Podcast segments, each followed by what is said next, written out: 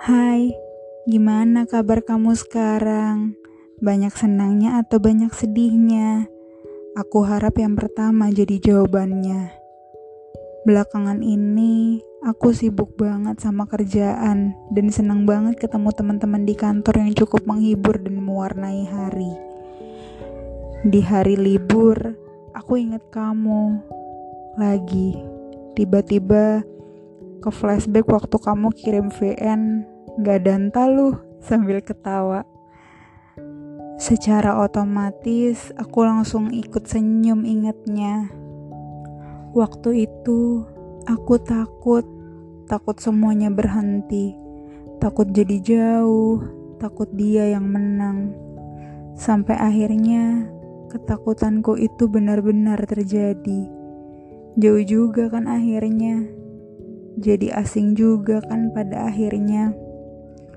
Sudah hampir satu tahun sejak semuanya sirna dan aku dipaksa menerima kenyataan menyakitkan. Hampir satu tahun aku belajar mengobati luka dan kembali melanjutkan hidup. Sudah hampir satu tahun kita sejauh ini, tanpa kata, tanpa suara, tanpa sapa, seperti orang yang sebelumnya tak saling mengenal.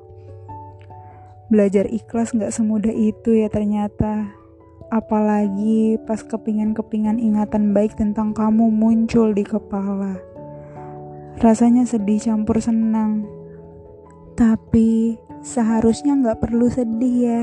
Seharusnya aku senang karena setidaknya pernah punya kesempatan untuk mengenalmu sedikit lebih dekat walau harus seperti ini ujungnya.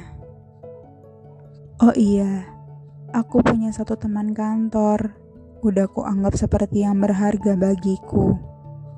Orangnya overthinking akut sih, tapi dia baik, selalu mencairkan suasana, dan ekspresif. Aku harap kamu juga selalu dipertemukan sama orang-orang baik yang tulus mendukung setiap langkah kamu. Maaf kalau aku nggak bisa lagi jadi bagian dari itu.